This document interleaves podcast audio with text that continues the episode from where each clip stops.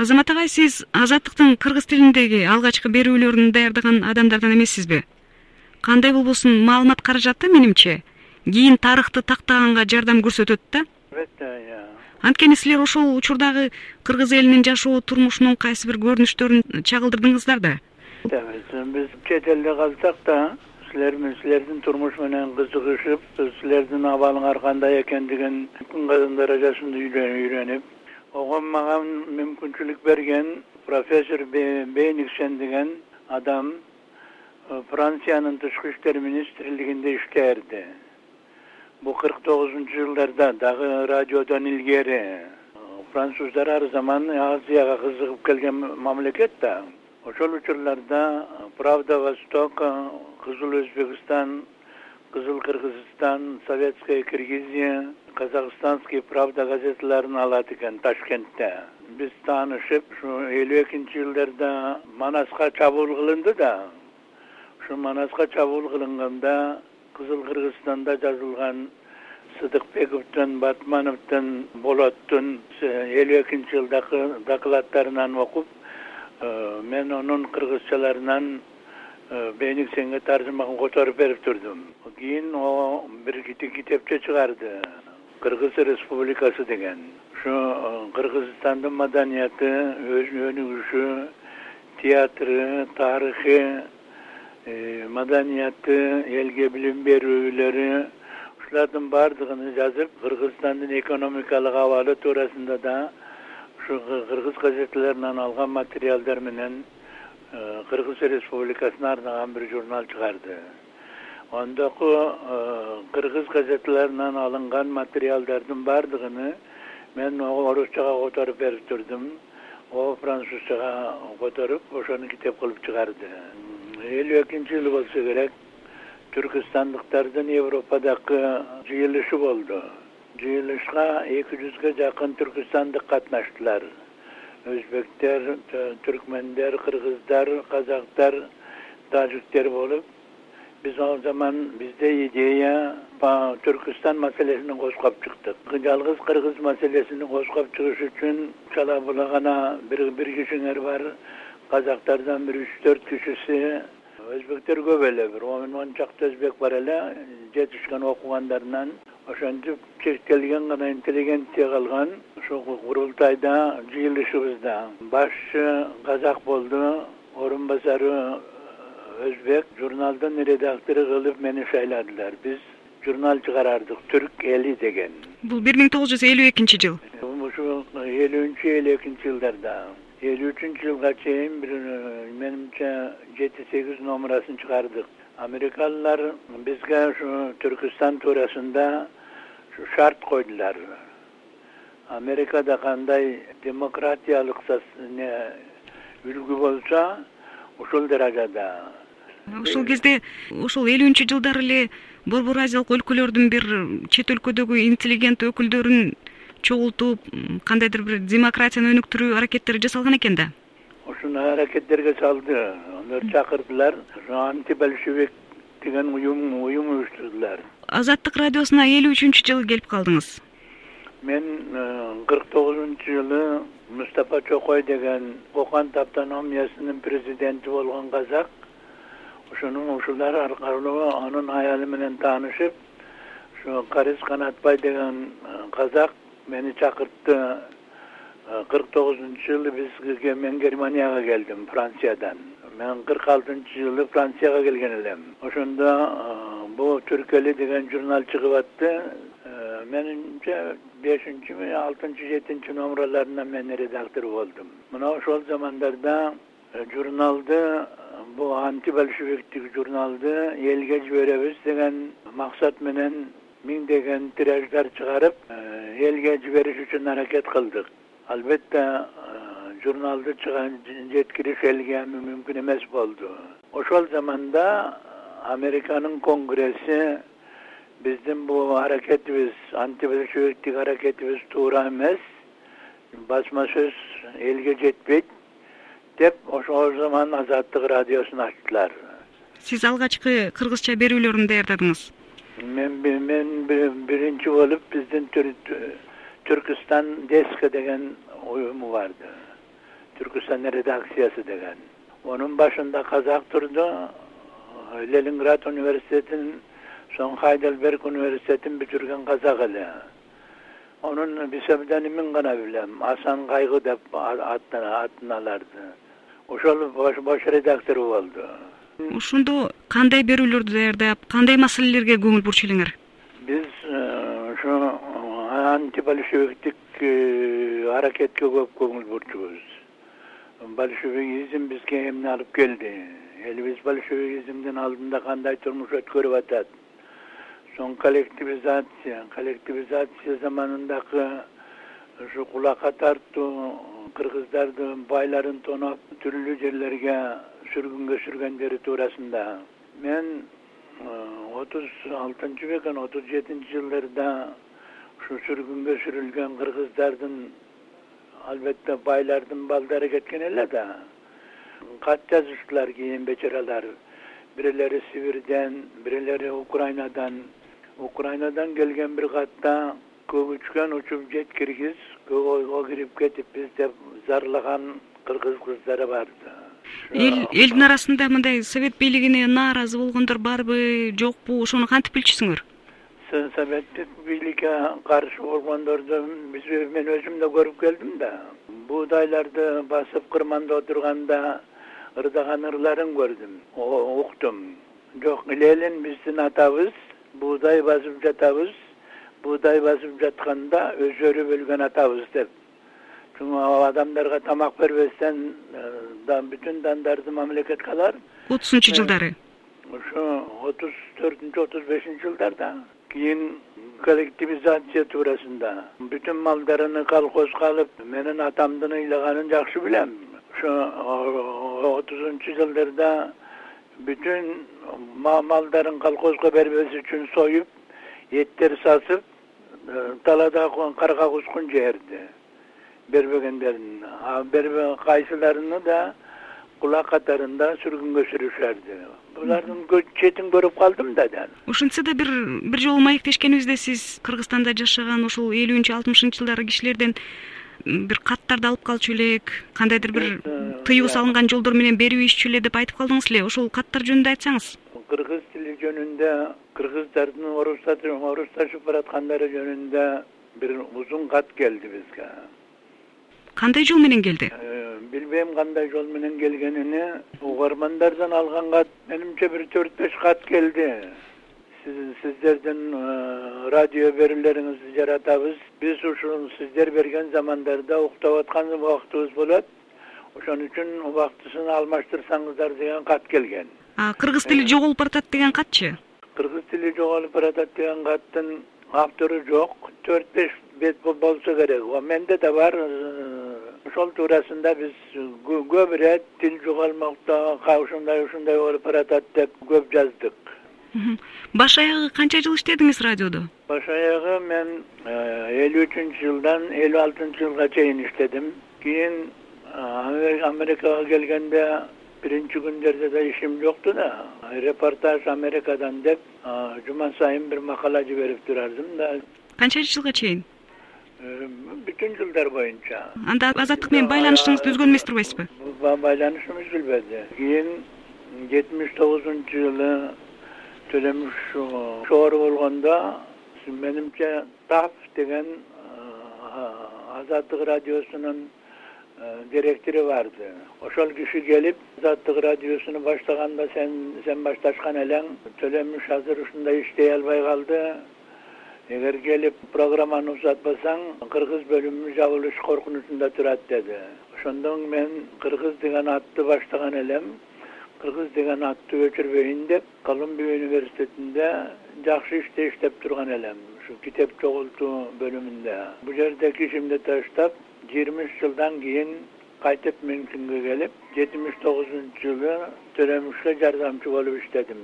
Ушул элүүнчү алтымышынчы жылдары жетимишинчи жылдарда эле деги азаттык менен байланышыңызды үзбөптүрсүз ошондо бир эсиңизде калган кайсы бир берүүлөрү кандайдыр бир маанилүү окуялар азаттыктын тарыхындагы ошол эсиңизде калган окуялардан кеп салып берсеңиз. Биздеги эң негизги маселелер элүү экинчи элүү үчүнчү элүү сегизинчи жылдарда кыргызстандагы болгон окуялар туурасында көп бердик. Маселе элүү экинчи жылы манас манас конференциясы болду да. Ушу манас конференциясы бизге көп э, үйрөн болуп берди. Биз аны терип терип түгелбайдын юнусалиевдин макалаларынын баардыгын кайталап турдук бул эң эң чоң ишибиз эле.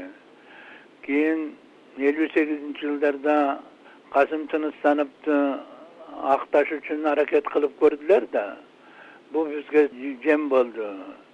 Касым тыныстановдун китептери туурасында касым тыныстановдун биринчи журнал чыгаргандары ушу эркин ала тоонун негизи э, отуз биринчи жылы уюшулган деп кийин анын элүү жылдыгынбы алтымыш жылдыгын өткөрдүлөр натыйжада ала тоонун негизин салган касым тыныстанов болчу. Касым тыныстанов жыйырма сегизинчи жылы жаңы маданият жолунда деген журнал чыгарган. Ошол журналдын аты элде жок аны унуткандар. Ушул журналды мен нью йорк публик лайбраринен таап кийин анын баарын фотокопия кылып о заман зиракс копиялар жокту анын ырларын араб тамгасы менен жазылган жыйырма төртүнчү жылы чыккан касымдын ырлары деген китеби бар. Аларды латынчалаштырып кийин башкалар окуйт. Менимче эч кимиси окубады. Соң танин кызы деген кыргыз адабиятчысы болгон.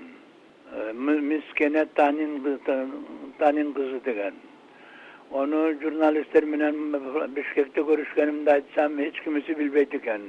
Танин кызы мискене деген жетилген жетимдер деген бир кичинекей повесть жазган. Ушул повестти мен латынчага көчүрүп аны ротатордон өткөрүп жазып ошо түркияден келген кыргыздардын окур бекен деп таратып көрдүк. Менимче эч кимиси да окубады аянычтуу кыргыздардан окуп билим алгандары жок болду. А кийин алтымышынчы жылдарда бир чоң окуялар болдубу бир чоң окуялар сүрөттөлгөн же болбосо бир кыргызстандан келген кишиден интервью алып дегендей ушундай бир берүүлөр болду беле сиздин эсиңизде калган? Мен калганы мен жетимиш тогузунчу жылы келдим да жетимиш тогузунчу жылы кыргызстандан германияга бир боксерлор келген. Ушул боксерлордон боксер келип экибиздин ортобузда отуруп алып сиздерге окшогон баатыр агаларды көрүш мен үчүн сыймык деп айтты. Саган дагы айтышты унуттум бир миң тогуз жүз алтымыш жетинчи жылы монреалдагы выставкага кеттик да кыргызстандын күнүнө кеттим мен. Кыргызстандын күнүнө кетсем кыргызстанда министрлердин ордунда спорт комитети барды ошо э, спорт комитетинин башчысы менен тааныштым азамат ага силердин азаттык радиодон бергениңерди мен кыска толкундагы аппаратым менен тоонун башына чыгып алып угам силер кандай чоң иш кылып атасыздар деп мактап койду алтымыш жетинчи жылы. Алтымыш жетинчи жылы. Ошо ошол жылы жанымдагы кыргыздар менен тааныштыр деп э, огон барсам агай деди мен сиз менен тааныштыра албайм. Эгер тааныштырсам сен сен аны кайдан таптың кандай жолуктуң деп кийин мени суракка алат деп коркконун айтып берди. Э, канададан дагы бир кыска толкундагы радио сатып алып бердим. Бала чакаңа деп бир майда барат нерселер бердик тыныстанов туурасындагы маселелер ошо адилетсиз кыргыздын жетишкен бир кишисине ушундай кыргыз өзүлөрү жеди деп кыргызстандагы уруучулук биздин көңүлүбүздү бөлгөн эң жаман бир азат уруучулук кийин түндүк түштүк болуш. Мунун баардыгы кыргыз маданиятына кыргыз элине зыяндуу нерселер эле. Силер ошолорго да көңүл бурчусуңар э? Албетте ушуга да көңүл бурдук. Айрыкча ошо ири тазалоо жолдорунда деген мен макала жаздым кыргызстан ири тазалоо жолдорунда деген макаламдын бир бөлүгүнүн кыскартып лондондо чыккан централ ревью деген журнал барды. Ошондо чыгардылар. Азаттыкты кыргызстанда кимдер угуп атканын кандай ойдо болуп атканын ошол анча мынча каттардан анан кайсы бир жерлерде жолуктуруп калган кишилерден гана укчу турбайсыздарбы э? э албетте жаным андан башка мүмкүнчүлүк жок эле кийин э, кыргызстандан делегациялар келип жүрдүлөр мында. Э, кыргыз делегацияларынан келген адамдар менден мокочодой коркорду. Үйүмө чакырып чай ичип кеткиле десем да болбосту ушунда ушу казак туугандардан муктар ага келгенде муктар аганы элүү тогузунчу жылы көрдүм муктар аөзовду нью йорк публик лайбреринде. Мен э, нью йорк публик лайбреринде техникалык ассистент болуп ушу келген кишилерге китеп алып келип берип китептерди ордуна коюш ишин иштердим ушунда славик бөлүмүнүн башчысы поляк эле. Э, эртең сиздин бир атактуу жазуучуңуз келет экен. Ушул жазуучуну сен кабыл ал эртең костюмуңду кийип кел деп өзүнүн ордун берди. Мухтар абызов менен кандай жолуктуңуз? Ал сизди жылуу жакшы кабыл алдыбы? Мага костюмуңду кийип кел деп ордун берди да ошо биздин китепкананын башчысы. Мухтар ага келгенде деде коркут деген азербайжанды азербайжандын э, эпосу бар экен. Ушул эпос жалгыз биздин китепканада экен. Ушуну сураган. Дагы бир кайсындай бир э, китеп сураган э, казакстандан таба албаган э, орто азияда жок. Ушул китептерди даярдап кой деди. Мен даярдап койдум. Кийин фотокопия кылып алдырып берсең ал заман зиракс копиялер жокту ушуну алдырып берейин десем жок карагым алдырба деди мен стейт департаменттен алдырам. Жалгыз номурларын тууралап жазып бер деп ушуну сурады. Мени менен көрүшкөндө кыргызсыңбы? деди мен кыргызмын мухтар ага десем кыргыздын кайсы уруусунансың дедим. Мен бугуданмын да бугуданмын десем а кыргыздын чоң урууларынан экенсиң деп койду ошентип сүйлөшүп отурдук. Кийин биздин үйгө келип бир чай ичип кетиңиз ага деп чакырдым. Жок мүмкүн эмес. Бизди кой айдагандай айдап жүрүшөт? Эч жака жетише албайбыз деп. Кийин алтымыш биринчи жыл бекен алтымыш экинчи жылы балмуканов деген академик келди. Нью йоркто бир төрт беш ай калды. Ону менен күн өткөн сайын көрүшүп турардык. Же биздин үйгө келерди же китепканага келерди сиздин жеке өзүңүз даярдаган кайсы бир материалдар катуу таасир берип өзүңүзгө? Эсиңизде калган учурлар барбы? Мен не болсо да касым тыныстанов туурасында жазган макалаларым бар. Кийин чыңгыздын атагы дүйнөгө чыгып атканда э, чыңгыз туурасында жазышты тилебедим кыргыз балдарына да жаздырбадым зыяны тийбесин деп токонбаевдер туурасында жаздык. Бул биздин коомчулук билип калган жакшы го сиз чет өлкөлөрдөгү кайсы китепканаларды кыргыздар жөнүндөгү маалымат адабият менен байыттыңыз? Кыргыздар жөнүндө жалгыз кыргыздар эмес. Бүтүн түркү калктары жөнүндөгү китептин библиографиясын чыгарды. Профессор олборд деген профессор. Мен бүтүн материалдарды жыйнадым. Стамфордко кеттим чикагого кеттим харвардга кеттим. Бүтүн бүтүн америкадагы түркү тилдеринде китептер бар деген китепканаларга мени жиберди колумбия университетинин ушу олборд деген профессору. Баардык китептеринде биринчи менин атымды колдонуп азамат алтайдын жардамы менен чыкты деп жазды. Бүтүн библиография. Алдында түркү тилдериндеги библиографияны чыгардык. Өзбекче кыргызча. Аларда мисалы ушул американын китепканаларында бар э, кыргыздар же ошол борбор азия элдери жөнүндөгү кандай китептер бар экенин библиографиясы э? Тизмеси ушулардын китептердин тизмеси качан чыккан кайда чыккан авторлору кимдер стамфорд университетинде бир э, менимче бир үч жүз төрт жүзгө жакын китеп бар. Ушу биздин тилдерден. Албетте жалгыз кыргызча эмес өзбекчеси азербайжанчалары көбүрөөк. Колумбия университетинде лемон лайбрери деген китепкана бар.